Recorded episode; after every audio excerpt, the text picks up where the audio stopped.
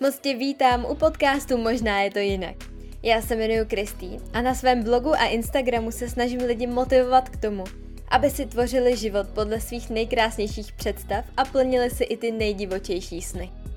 Takže jestli tě zajímá osobní rozvoj, zákon přitažlivosti nebo síla myšlenky, spiritualita a taky zdravý životní styl, tak si tu správně a poslouchej dál. Tak já vás moc vítám u další epizody podcastu a dnešní epizoda je velmi speciální, protože tady mám svého blízkého kamaráda, prvního hosta Daniela, který za sebou má velmi silný příběh, o kterém si dneska budeme povídat. Ahoj Danieli, mohl by ses nějak představit, něco málo o sobě říct?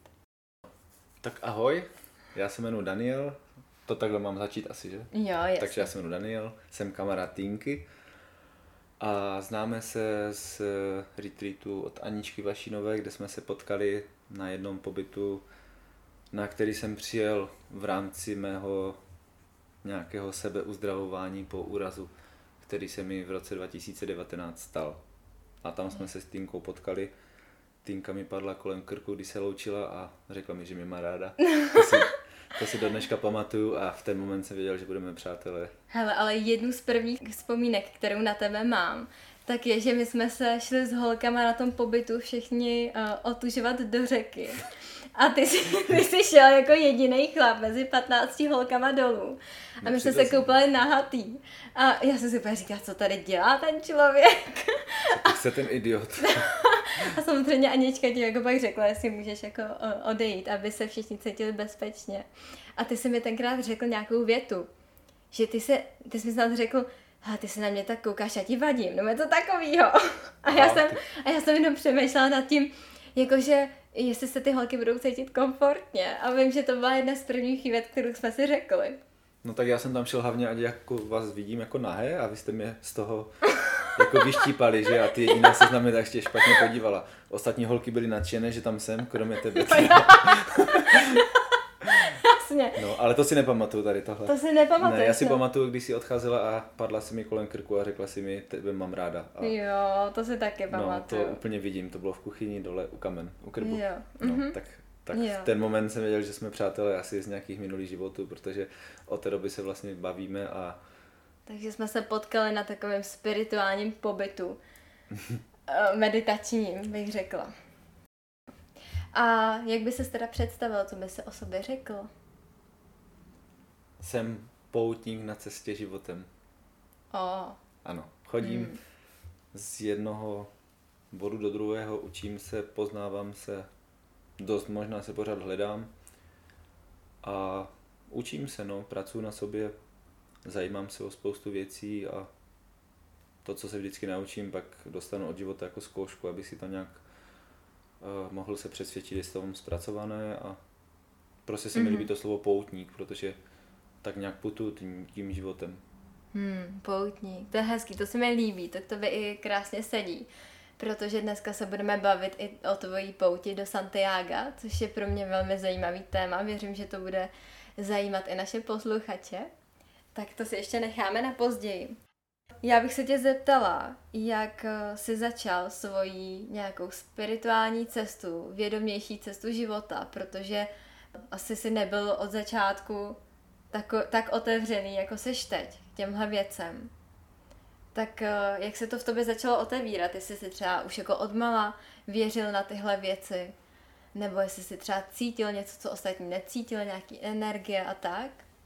Mm, vůbec. Odmala asi vůbec. Začalo se to tvořit nějak v průběhu života, kdy jsem četl různé knihy, občas nějakou. A pak jsem byl na jednom nějakém kurzu silové metody, to si pamatuju to jsem mm-hmm. dostal jako dárek, ale vůbec jsem na to nebyl připravený, takže jsem tomu ani nerozuměl. A tak jsem nějak jako tím životem plul. Až do jednoho momentu, kdy se mi stal těžký úraz. To bylo v roce 2019, kdy jsem spadl z 12 metrů na hlavu. A to byl pro mě takový zásadní zlom v životě, kde se všechny ty věci začaly vlastně skládat a tvořit znova. Protože to všechno, co jsem se do té doby naučil, co jsem si myslel, že mám jako zpracováno a co vím, tak najednou jakoby nebylo. Já jsem se mm-hmm. jednoho dne probral na Aru tam seděla mamka a, a brečela, řekla mi, že se mi stal v noci úraz, že jsem spadl z 12 metrů, jestli si něco pamatuju. Já jsem řekl, že vůbec, měl jsem praskou lepku a krvazení do mozku, zlomená žebra, mm-hmm. obratle, prostě praskou lepku, no. Kliční kost zlomenou a nic jsem si nepamatoval, vůbec nic. A když jsem se postupně začal uzdravovat, tak jsem si uzdravil nejdříve to fyzické tělo, což trvalo asi jako dva měsíce. A pak jsem začal pracovat s tím, s tou duší a začal jsem chodit na různé retreaty a terapie a hodně věcí se mi začalo otevírat a tak jsem se jako léčil. Mm-hmm. A takže myslíš, že tady ta situace, tady, ta, tady ten zážitek, který se ti stal, takže tohle ti otevřelo tu spirituální cestu? No určitě, protože vlastně po úrazu jsem dostal posttraumatický syndrom, který mm-hmm. byl způsobený tím, že jsem měl ten úraz mozku a ten mozek neuměl rozlišovat ty emoce, které jsem zažíval a bylo mi prostě psychicky špatně. Takže jsem musel vyhledat odbornou pomoc, chtěli mi dát antidepresiva na uklidnění a to jsem odmítal, takže jsem se do těch emocí ponořil. A při těch terapiích, kam jsem chodil k jedné paní, tak jsme otevírali témata dětství, témata lásky, vesmíru, proč se mi stal úraz. Prostě celý ten svět mezi nebem a zemí a to mi prostě posouvalo dál a dál a otevíralo další a další témata. Pak jsem byl na regresní terapii, byl jsem na hm, terapii metody Rush, byl jsem u Aničky na retreatu, mm-hmm. kde jsem byl na třech těch akcích. Pak jsem strávil i sedm dnů ve tmě, mm-hmm. ale všechno to začalo prostě tu noc, kdy jsem spadl. Jo. A jak se to stalo? Ten úraz? Hmm. Jakože jak to, že si takhle spadnul? to tak jako asi vesmír zařídil, protože zní to fakt jako EZO, ale já mám spoustu důkazů, že to tak jako asi bylo, že něco mezi nebem a zemí mě poslalo do těch míst, kde se to stalo. Mm-hmm. Protože i pár dnů předtím, než jsem spadl, bylo to dva dny, jsem napsal Aničce zprávu, že potřebuju prodělat nebo provést restart mozku, protože jsem se rozešel s přítelkyní a tehdy jsem dělal takový radikální aktivismus veganský a celý jsem se do toho nějak zamotal a měl jsem, můj svět prostě byl takový černý, nebyl jsem šťastný vůbec prostě na no to můžu říct, mm-hmm, na hovno. Jasně, můžeš mluvit jak chceš. Tak to bylo úplně všechno jako bylo na hovno a tak jsem jednou našel Aničku na Instagramu a napsal jsem mi zprávu, že potřebuji dělat restart mozku a za dva dny jsem spadl a měl jsem prostě tohleto trauma a myslím si, že jsem si to jako vytvořil sám, že to, co se děje, si vlastně tvoříme sami, že my jsme ti tvůrci. To je jedna z věcí, kterou jsem se na té dvouleté cestě, kdy se tomu věnu, prostě sám naučil, že nikdo v životě nemůže za to, co se mi děje, já jsem jediný ten zodpovědný za svůj život a všechno, co mám a nemám, to je prostě z toho, pro co jsem se já rozhodl. Takže mm. stalo se to tak, že jsem prostě si vytvořil podmínky pro to, aby se mi stalo to, co jsem vlastně potřeboval, co jsem vyslal, že chci, ať se mi stane. Takže se ty podmínky vytvořily, já jsem šel ke kamarádce na víno, vypili jsme flašku vína a když jsem se vracel domů, tak jsem potkal ještě hm, jako kamarádku z rodiny a tam mě vzala ještě na jednu akci, No a ve čtvrt na tři jsme odcházeli ze čtvrtého patra od její kamarádky z bytu a já jsem si sedl na zábradlí a údajně jsem prostě si sedl do prázdna nějak a přepadl jsem a padal jsem eh, těch 12 metrů do výtahové šachty a spadl jsem dolů na beton hlavou a mm. pak mě helikopterou převezli do Ostravy na Aro a tam jsem se prostě jedno ráno probudil a zbytek vlastně už jsem ti řekl, no ale jak se to stalo, jak jsem padal, jak, kdo tam byl u toho, to si nepamatuju do dneška, nevím nic. A snažil mm-hmm. jsem se to najít v sobě, ale ještě asi na to nejsem připravený, abych to prožil. A rozdělil bys nějak tvůj život před nehodou a po nehodě? Byl to pro tebe jako velký nějaký zlomový bod v životě? No určitě, určitě byl, protože po nehodě jsem si začal uvědomovat, že jsem já ten tvůrce, že já jsem za to zodpovědný a vinný, nebo nevinný, ale, ale že já mám zodpovědnost za svůj život. A před úrazem jsem hodně ukazoval jako prstem, že třeba za to, že se mi nedaří ve fotbale, může trenér, protože mi nestaví. Mm-hmm.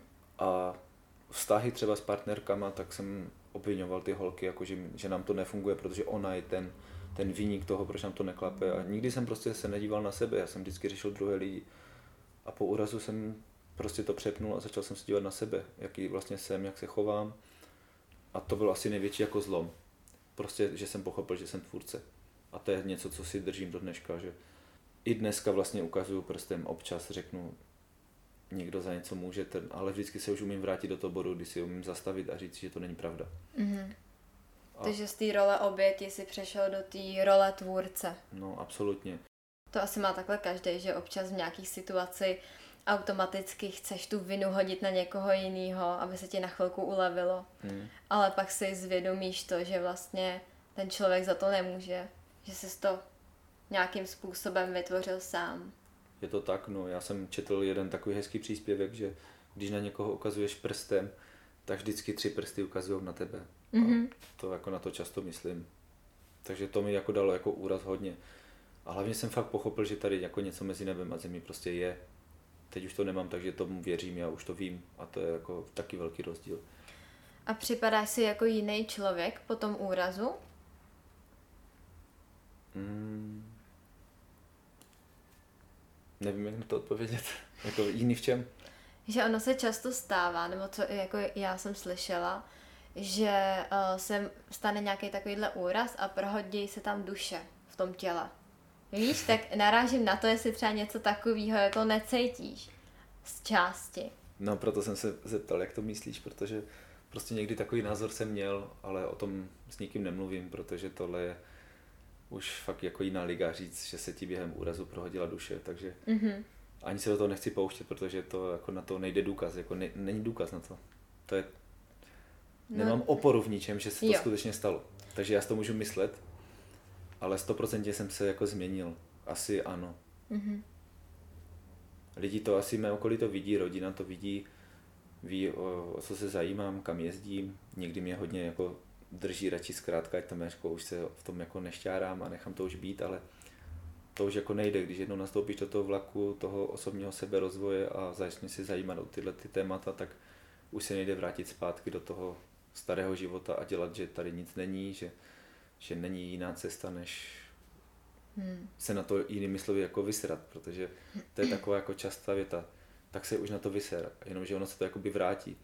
To, že něco jakoby přelepíš nebo zaliješ pivem, tak jako jsem to třeba často dělal, když mě něco trápilo, tak jsem šel do hospody, tak tím to nevyřešíš, tím to jenom jakoby zalepíš tím pivem a jak vystřízlivíš, tak se to za nějaký čas znovu jako dostane na povrch a mm-hmm. ten mhm. problém tady pořád je. Tak já to mám dneska tak, že se v tom jakoby šťárám a šťárám a šťárám, až to nějakým způsobem vyčistím nebo vyléčím, nebo se to zpracuju, nebo vykomunikuju, nebo prostě udělám něco, nějakou akci. Tak mi řekni, jaké pobyty takhle seberozvojové a meditační máš za sebou, jaký ceremonie, jestli jsi zažil třeba nějakou medicínu. A vím, že jsme se o tom před podcastem bavili, takže proto na to narážím. Tak co by si z toho chtěl vypíchnout? Nějaký jako velký zážitek takhle z téhle oblasti? Mm-hmm, tak pro mě byl uh, největší zážitek pobyt ve tmě. Tam ten jsem absolvoval letos v únoru na 7 dnů, 8 den jsem vycházel a tohle byl pro mě absolutně nejsilnější zážitek, který já mám v tomhle odvětví toho spiritualismu asi, nebo mm-hmm. a to bylo strašně těžké pro mě, bylo to peklo. Myslel jsem si, že přijdu do tmy a že tam budou, že to bude nějaký zážitek pro mě, protože jsem slyšel videa, že tam lidi viděli minulé životy a prostě tam viděli sami sebe v jiných prostě světech, v jiných nějakých dimenzích, a nevím.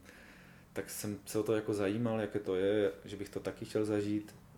No a přišel jsem do tmy a zažíval jsem tam velkou paniku, strach, hm, zlobu.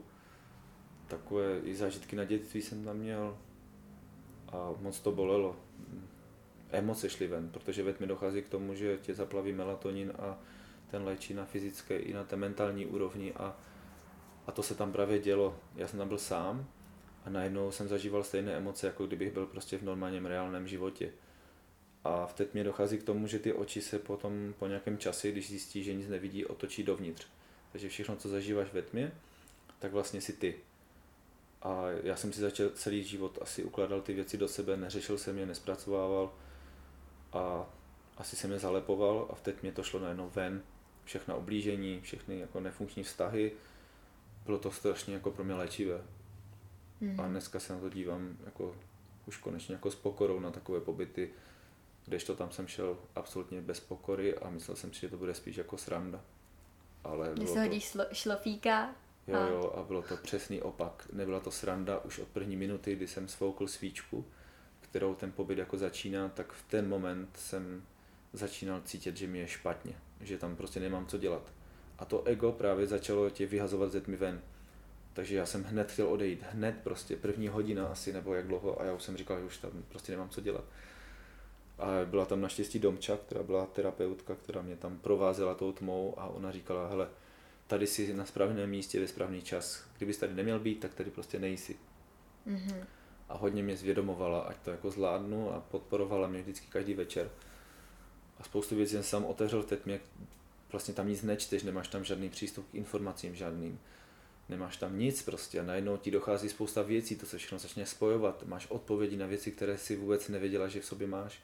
No možná někdo neví třeba, co to pobyt ve tmě je, tak jestli bys to mohl nějak popsat? Je to místnost, ve které koupelna a záchod, je to bez oken a na konci té místnosti je vstup do koupelny a ty tam vlastně nejsi zavřený na sílu, to začíná tak, že tebe tam jakoby zavřou, ale máš vždycky možnost kdykoliv odejít. Tam právě mm. nejsi kvůli nikomu, ty nepotřebuješ nikomu nic dokazovat, ty tam si kvůli sebe.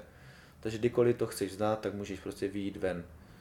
Ale já jsem cítil, že chci jít ven, ale něco mě tam drželo pořád. Ale odejít samozřejmě kdykoliv můžeš, ale si tam prostě, nejsi tam pod zámkem, takhle. Nemusíš tam být.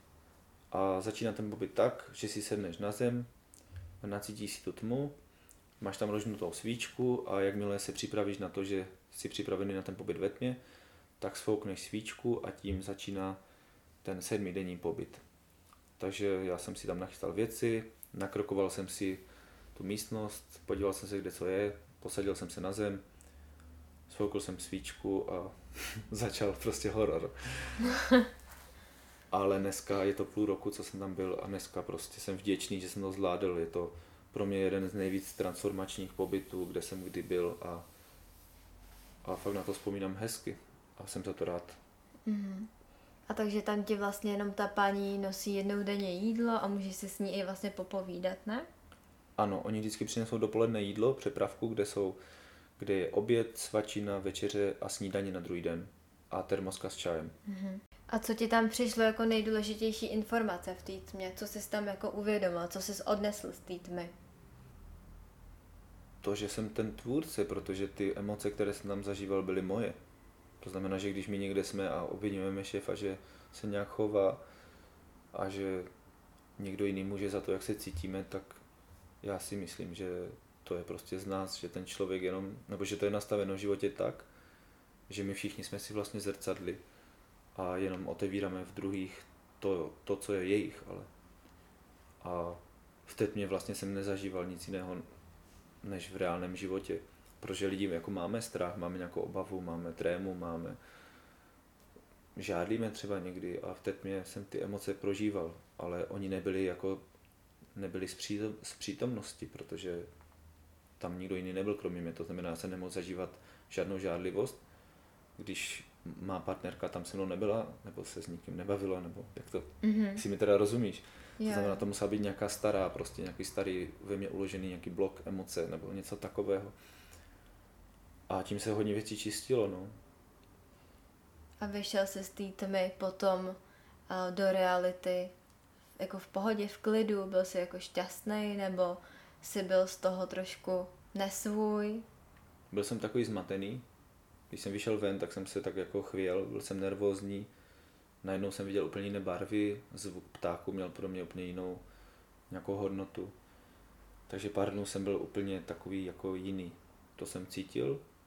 Eh, měl jsem problémy se spaním, ale to si nějak jako sedlo za nějaký týden asi a prostě zůstaly jenom ty zážitky ze tmy. A jak od té doby vnímáš tmu? Miluju tmu. Miluješ tmu. Miluju tmu. Já si doma zhasínám když je už venku tma, tak prostě trávím čas večer doma sám, pod mě.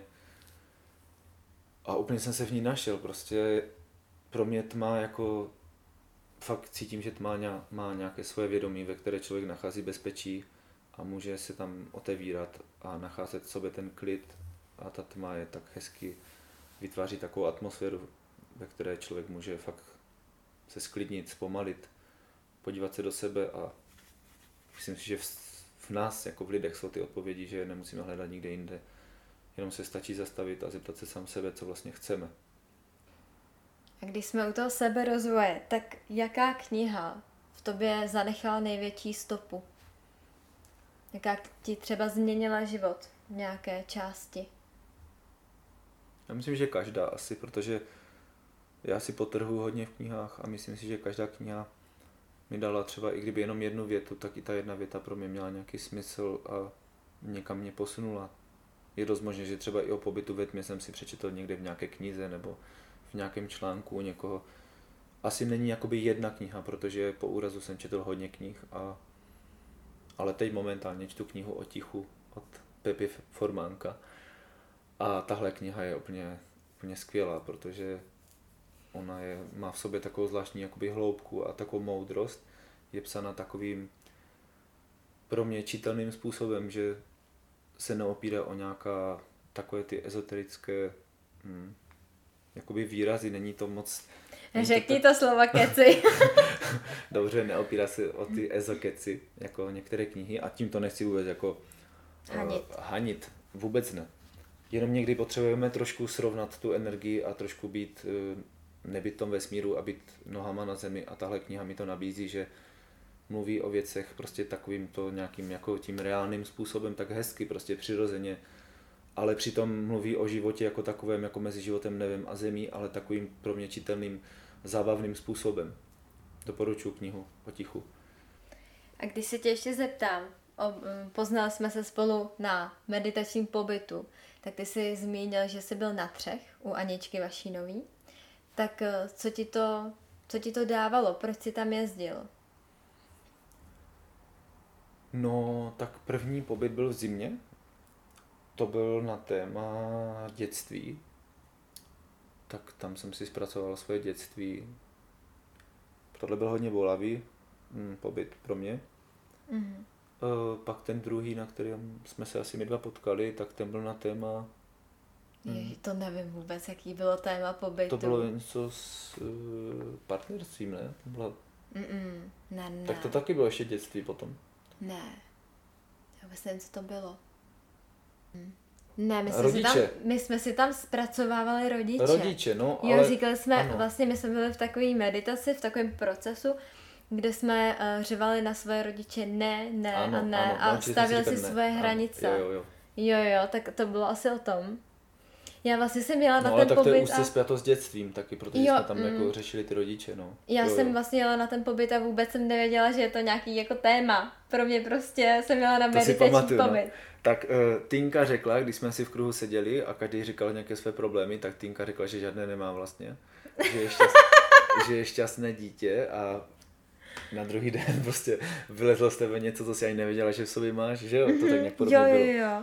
A právě před tebou mluvilo asi 10 nebo 20 lidí a každý řekl, tohle, tohle, tam polovina lidí plakalo a teď přišla řada na tebe a ty jsi řekla, no já vůbec nevím, o čem to tady mluvíte, já jsem nic, tako, nic takového nezažila nikdy a den na to potom jsi tam fňukala s náma a bylo to hezké, jak jsme tam čistili všichni a, a no, propojili já, jsme jo, se. Jo. Já jsem právě řešila to, že jsem neměla co mám mě vyčíst. Hmm. A říkala jsem si, že se na ní vlastně jako za nic nezlobím. Ale pak právě v nějakém tom procesu jsem zjistila, že tam nějaký to zranění mám a vyšlo to na povrch. Ano. Když nebylo nějak jako extra velký, tak jako bylo, bylo tam, no, bylo tam. Jo, každý ho má. No ale ty se ptala, na jakých pobytech jsem to byl? Ještě muž a žena, takže čtyři, na čtyřech pobytech. čtyři. Na čtyřech pobytech jsem byl, no vidíš, já už jsem to... Ty jsi to vymetal normálně já, já, jak... Já jsem pro, Ani, pro Aničku štamgast. Jo, jo, jo, tak no. to jsem pak byla taky, viď? a muž a žena byl moc fajn, ten byl takový jemný a byl hodně sdílecí, že tam nebylo moc, uh, moc technik, nebylo tam uh, nebylo tam tolik jakoby práce, bylo to hodně o tom povídání a to mě moc bavilo, já rád povídám. No. Jako pro mě to byl zrovna jeden z pobytů, který mm, mi úplně nesedl. Mě to nějak vlastně potom, už to na mě bylo moc.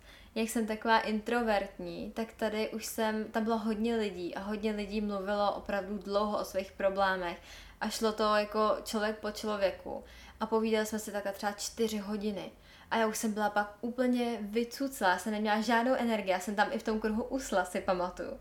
A pak až jako, až mi to začalo vadit a cítila jsem, cítila jsem v sobě i takovou agresi a musela jsem odejít a být sama se sebou, protože já, jak jsem empatická a hodně, hodně se jako umím vcítit do situace toho člověka, tak pro mě to bylo tak náročné to všechno poslouchat že pro mě to byl jako docela náročný pobyt a odjížděla jsem s tím, že jsem jako ráda, že odjíždím, že jsem prostě byla unavená z toho. Mm-hmm. Ne, nedokázala jsem si tam dát, nebo nedala jsem si tam vědomě takovou tu bariéru, aby se mě to nedotklo na té úrovni, která mi ubližuje. Mm-hmm. Mm. A můžu se tě ještě dodatečně zeptat eh, k té nehodě. Dá se říct, že seš takhle zpětně za to, co se ti stalo vděčný? Jako můžeš tam vůbec k tomu, k téhle situaci cítit tuhle emoci? No já ji tam cítím, ne že můžu, já ji tam cítím. Já, mm-hmm. Já jsem za to rád. Dneska já jsem s tím jako hodně v pohodě. Byť tam je nějaký zbytek emocí, ale jsem za to fakt vděčný, že se mi to stalo, že mi tohle všechno dalo, otevřelo a že jsem začal se na ten život dívat trošku jinak. Protože mm-hmm. kdyby se to nestalo, tak bych žil v těch starých programech, ve kterých mi prostě nebylo dobře. Ale pozor, já tím nechci říct, že teď je mi jako nějak jako Bůh ví, jako, jako, že jsem happy, protože ta cesta, kdy si zvědomuješ, co tě trápí a jsi na, na té vědomé cestě, tak tohle není zadarmo. To prostě si lidi myslí, že jsem sluníčkař, ale to je prostě blbost. Já zažívám taky svoje bolesti a, a jsem smutný, ale já si to už dovoluju a nepřijde mi to jako nenormální. Že jako chlap jako brečím, že mám někdy jako něco, co mi trápí a potřebuji, potřebuji se zavřít předtím. Takže já jsem za to fakt rád moc rád, že se mi to stalo a jsem moc rád, že o tom umím i takhle mluvit, že můžu mm-hmm. někoho tím třeba jako inspirovat nebo podpořit, že jsem se to díky úrazu dozvěděl. Tak mm. jsem za to moc rád. A ještě velmi zajímavé téma. Šel jsi vlastně pouť do Santiago. Byla to pouť, kdy jsi šel v měsíc v kuse? 800 kilometrů? Ano tak jestli bys nám uh, o téhle pouti něco řekl, protože někdo o tom třeba nikdy v životě neslyšel, tak kdyby si řekl, co to je? Tak na té pouti jsem byl v roce 2018, takže rok před uh, úrazem. A svatojakuská pouť je vlastně cesta, kdy člověk jde je to obdo- já bych řekl, že to vlastně teď mi to jako napadlo, že je to jako tma, ty vlastně jenom se zavřeš v té tmě do sebe a nic ti nechodí a pracuješ jenom s tím, co zažíváš, když to když jdeš do Santiago, tak vlastně jdeš taky sám se sebou, jenom prostě máš nějaké zážitky, takže přijímáš ty věmy i, z, i zvenku, mm-hmm. ale takže poutní cesta do Santiago je vlastně cesta, kdy jdeš mm, z města, které si vybereš jako start, jako startovní místo, tak jdeš do poutního města Santiago de Compostela a sám si můžeš zvolit délku té cesty. Není to stanoveno žádným datumem, nejsi povinen ujít nějaký počet kilometrů, Musíš ujít 100, aby si byl jakoby poutník, takže musíš jít minimálně 100, ale jestli půjdeš 101 nebo, nebo 1000, to je prostě na tobě, tak jak to cítíš. Můžeš tam na tu poutní cestu přijet kdykoliv, můžeš kdykoliv skončit, je to absolutní svobo- o svobodě a vlastně jenom jdeš. Máš batoh, ve kterém máš celý svůj život, nebo všechno, co potřebuješ na, ten, na tu dobu, pro kterou se rozhodneš, tak prostě máš věci v batohu a a já jsem si vybral tu poutní cestu francouzskou, která je původní, je to ta nejznámější cesta do Santiago. Bez pár kilometrů, to bylo celkem 800 kilometrů a šel jsem to 32 dnů. Uh-huh. A proč jsi se rozhodl jít na tuhle pouť? Nevím. Já nevím. Jsem, Přišlo nevím. to? Zavolalo si tě to? Ano, bylo to prostě sen. Bylo to, byl to sen, který jsem, když jsem viděl film uh, The Way Pouť, když jsem to viděl, tak jsem cítil tu emoci, že tam prostě mám jít, že to prostě potřebuji zažít, to, co tam zažíval ten hlavní hrdina. A tak jsem to prostě, prostě 6 roků jsem to plánoval a 6 roků jsem si hrál s vlastním strachem a nedokázal jsem najít tu odvahu tam jít, až prostě jednoho dne jsem řekl a dost. Byl jsem na semináři našeho oblíbeného Marka a ten mě tak moc motivoval, že jsem ten rok šel do Santiago nepřipraven, bez znalosti anglického jazyka. Šel jsem s papírkem, kde jsem měl napsaných pár frází. Neměl jsem ani žádné zkušenosti. Opět jsem šel bez pokory, že to zvládnu, ale zvládl jsem to. A pro mě to byl fakt úžasný měsíc. Takové velké do, dobrodružství pro mě. A co na tom bylo nejtěžší? Hmm, tak fyzicky jsem byl hodně unavený. Jako bolelo mě koleno. to jsem ti dneska říkal. Že když dneska... tě bolí koleno, tak máš problém s pokorou. Ano. Mm-hmm. Mě na pouti bylo 10 dnů koleno a v jeden moment jsem mi chtěl jít domů, protože to fakt jako bylo moc. Ale nějakým způsobem to prostě ze dne na den bolet přestalo. Dneska vím, že když bolí člověka koleno, tak je to spojeno s pokorou. Tohle jsem si prostě zvědomil až po návratu prostě ze Santiago. To, jak jsem ti říkal, když dojdeš do Santiago, tak tam pout nekončí, ale začíná. Tam všechno, co zažiješ, tak to se ti bude vlastně dít dál a ty se můžeš opřít o tu zkušenost pouti. Nejtěžší bylo asi ten zážitek s tím kolenem. Já ani, vím, ani že nic, já jsem tam nějak nezažíval špatné chvíle, právě ba naopak. Mm-hmm.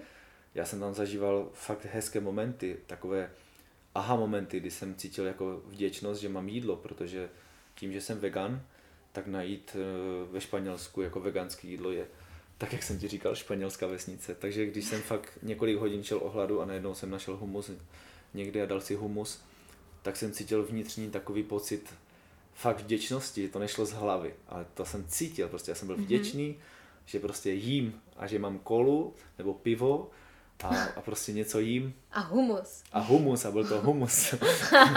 něco jím a byl to humus.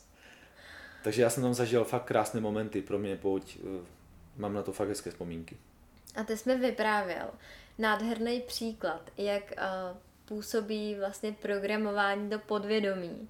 Že ty si vlastně chodil s tou bolavou nohou, měl si klacek, o který jsi opíral a vždycky kolem tebe chodili uh, poutníci a ptali se ti, co ti je. Jo, pamatuju, protože to mi úplně utkvělo v paměti, tak kdybys to řekl. Tak já jsem tam, když mi bylo to koleno, tak tím, že neumím anglicky, tak jsem se nikdy nepouštěl do žádných hlubokých rozhovorů s lidmi, které jsem potkával. A když mi bylo to koleno, tak jsem jeden den šel, nebo vlastně celých těch deset dnů, co mi tak jako bolelo, ale poslední dny mě bolelo tak moc, že jsem je kulhal už, už jsem tu nohu tahal za sebou, protože to koleno nešlo ohnout. A ti poutníci, kteří mě potkávali, tak se mě ptali v různých jazycích, jako co mi je, nebo jestli mě to asi bolí. Já vlastně ani nevím, co se mě ptali, ale chápu, že se mě ptali na to koleno. A tím, že neumím anglicky, tak já jsem jim nevysílal to, že mi něco bolí. Nemluvil jsem o tom, co mě bolí, protože jsem nevěděl, jak to mám říct, takže jsem všem říkal, jako, že je to OK. Pořád jenom jako no problém, OK, this is OK, OK, no problém. A oni OK, OK a šli dál. A takhle jsem to jako by vysílal a najednou mě přestalo bolet koleno. Fakt z ničeho nic, to bylo ze dne na den. A bylo to OK. A bylo to najednou OK a tohle mi došlo taky až po návratu z pouti. Mě to v tu, v tu chvíli nenapadlo vůbec. A když jsem se vrátil domů a teď jsem si četl něco o tom, jako že nemáš mluvit o tom, co se ti děje a o tom nepříjemném, že nemáš mluvit, abys to neposílil tou myšlenkou, tak jsem si uvědomil, že když jsem o tom nemluvil s lidma a nechal to být a nějak se to naučil raději přijímat, tak najednou to prostě odešlo. A to je zase to, že Santiago pout nekončí, ale začíná. Tohle jsem si uvědomil až fakt nějaký čas jako po návratu z pouti. Mm-hmm. A co největšího se z té pouti odnesl? Bylo to třeba tohle nebo něco jiného? Já jsem si z pouti odnesl pocit svobody. Ten vím, ten jsem tam fakt zažíval a cítil jsem, jak vypadá svoboda. Takové to, že můžeš kdykoliv stát, kdykoliv spát, dělat si cokoliv. Je to vlastně taková simulace toho, jak by člověk neměl, ale jak člověk jako jak je postavený vlastně život, protože my jsme svobodné bytosti, my můžeme v té svobodě žít i normálně, jenom my si vytváříme spoustu jako bariér a mantinelů a nedovolujeme si žít svobodně. A na té prostě pouti tam, tam si jako úplně free, tam prostě jdeš, hmm. vychází slunce, když chceš, tak u západu piješ víno, když nechceš, neděláš nic, tam tě nikdo nekontroluje nic, prostě tam jenom jdeš. Jaký pocity jsi měl, když jsi tu pouť dokončil, když jsi došel do toho svého cíle? radost. Měl jsem takovou radost, že jsem tam prostě došel a najednou jsem si uvědomil, že mám splněný sen vlastně, že něco skončilo. Ale hned mi vyskočilo to, že to tam nekončí, ale já jsem tehdy nevěděl, co se bude dít, až se vrátím domů. Ale v ten, tu chvíli jsem věděl, že jsem si splnil jako sen, že tam prostě jsem, že jsem ušel takový kus cesty a seděl jsem na tom náměstí a koukal na tu katedrálu A ještě se tě zeptám, protože oba dva tak nějak vnímáme, že na co myslíme, jak se cítíme, tak to si přitahujeme do života. Tím si ten život tvoříme. Tak jestli mi řekneš nějaký uh, příklad z praxe, co jsi takhle přivolal do života? Cítím v sobě poslední dobou, uh, že mm, se mi nějak jako probudilo ty, ten mateřský půd jako být táta. Tak jsem prostě potkal jako holku, která měla dvě děti a neměla je teda se mnou, má je s jiným mužem a najednou jsem byl jako táta. Takže já si myslím, že jako všechno se plní, úplně všechno, všechno, co chceš, každá myšlenka se jako jednou zhmotní, ale to právě ještě není to, co chceš. Takže třeba když chceš mít jako být táta, tak můžeš potkat partnerku, která už bude mít dvě děti a ty v jednu chvíli se staneš tátou. Což ne, neříkám, že je špatně vůbec, ale ale prostě každý, kdo chce být tátou, tak třeba by chtěl být jako mít své vlastní děti. Tak jsem to aspoň jakoby myslel. Mm-hmm. Ale jako stalo se to jinak. A ten vesmír, on tě jenom poslouchá, takže chci být tátou, tak tady. Chceš, tak tady to máš. Ano, tady to máš. Přemýšlím, jestli jsem někdy chtěl natočit podcast. A Jo, jak jsi mě takhle přitáhnul, vej, tady tu pozvánku. A já jsem jako chtěl někde pro někoho ně, nebylo to úplně o podcastu, ale chtěl jsem pro někoho někde vystoupit. Já jsem to tam jako měl, že bych chtěl jedno něco takového jako udělat, nebo se mnou, aby někdo něco udělal. A vůbec jsem na to zapomněl úplně. A teď jednou si řekl, hele, přijeď, natočíme podcast. A jako splněno. A je to i s tou písničkou, jak jsi říkala, že jsem ti poslal. Ty jsi hledala a chtěla si prostě jednu písničku a za pár dnů jsem ti já napsal zprávu a poslal jsem ti, aniž by jsem o tom věděl, že něco takového hledáš. Jo, jo, jo. Mm. Že ono to funguje právě Krásně jako to funguje. Hmm. Vesmír slyší prostě. A ještě řekl bys nám nějakou myšlenku, kterou by si chtěl předat, sdílet, kterou se třeba v životě řídíš? A napadá mě, že ji vlastně chci, já ji neznám ještě na paměť, ale je to věc, o kterou se jako teď poslední dobu hodně jako opírám. A v té knize se mi našel. Můžu ji přečíst? Může. To z té knihy, kniha o tichu od Formánka. A viděl jsem řeku, přes níž každá duše musí přejít, aby dosáhla království nebeského a jméno té řeky bylo utrpení. A viděl jsem loď, která převážela duše přes tu řeku a to jméno té lodi byla láska. A tohle prostě se mi úplně mega líbí, že vlastně tady píše o utrpení, o řece, po které jako my plujem, to je to jako zvědomování si toho našeho života a někdy to prostě bolí, to je to utrpení a vlastně ta loď, která nás převeze hmm, od toho narození až do té smrti, tak ta loď se jmenuje prostě láska. A to je to, co si jako dneska jako myslím, že funguje, že všechno kolem nás je prostě energie lásky, že na tom celém je postavený celý vesmír. Ale ta láska má mnoho podob, má mnoho barev a i vlastně nenávist možná je obrácená mince lásky, že prostě všechno se dá vylečit skrz lásku. A není to teď vůbec žádný ezoterický výraz a sluníčkářský, sluníčkářský ale prostě přes lásku se dá vlastně hodně věcí vylečit, vyčistit a když si člověk otevře to srdce, tak jsem teď takový jako zaláskovaný asi, nebo učím se do sebe být zaláskovaný. to je nejdůležitější, že jo, teď. No, tady to začíná, no. Člověk, který nemiluje sebe, nemůže milovat jako plnohodnotně nikoho dalšího. Mm-hmm. Musíme tu lásku najít k sobě. Tak eh, Dani, já ti moc děkuju, že jsi přijmul pozvánku do mého podcastu a že si takhle přes mluvené slovo mohl inspirovat a třeba i motivovat další lidi. Věřím, že eh, tohle poslouchat muselo být velmi zajímavý. Bylo to nejen pro mě zajímavý, ale myslím si, že to eh, zaujme i naše posluchače. Tak já ti moc děkuji, že jsi pozvání přijmul a přeju ti, ať se ti splní všechny tvé sny a přání. A můžeme to asi ukončit, tak jestli by se ještě něco řekl nakonec. Jo, tak já děkuji za pozvání. Děkuji, že jsi mi splnila jeden můj sen, na který yeah. jsem dlouho zapomněl, že se stala tou, nebo si tím, kdo mi to splnil, protože tě mám moc rád jako svoji kamarádku, jako pro mě si moc blízký přítel. A já ti tady vracím to Jony vajíčko, které si mi dala na uklidnění do ruky. Které není Jony vajíčko. ona Týnka mi dá do ruky nějaké vejce a já jsem mu pojmenoval Jony. Takže já ti vracím vejce a moc ti děkuju a snad se vám to líbilo a Mějte se hezky. Mějte se rádi. A mějte se, a mějte se rádi. Tam Aha, si tady své vajíčko. to máš Jony? Ne, to ne. Ale jako Jony vajíčko, to by bylo dost velký vajíčko. To je ne. pro takovou starší, pro můj ročník, pro ženu mého, z, mého, z mojí třídy ze základky je tohle už. dej, to, dej, dej, mi to Jony, to bude pro mě takové příjemné, já jsem takový Jony coach. No, to fakt není. To mám takovou vajíčko. podmínku, že moje partnerka budoucí bude jediné vajíčko, které doma bude mít, bude Jony.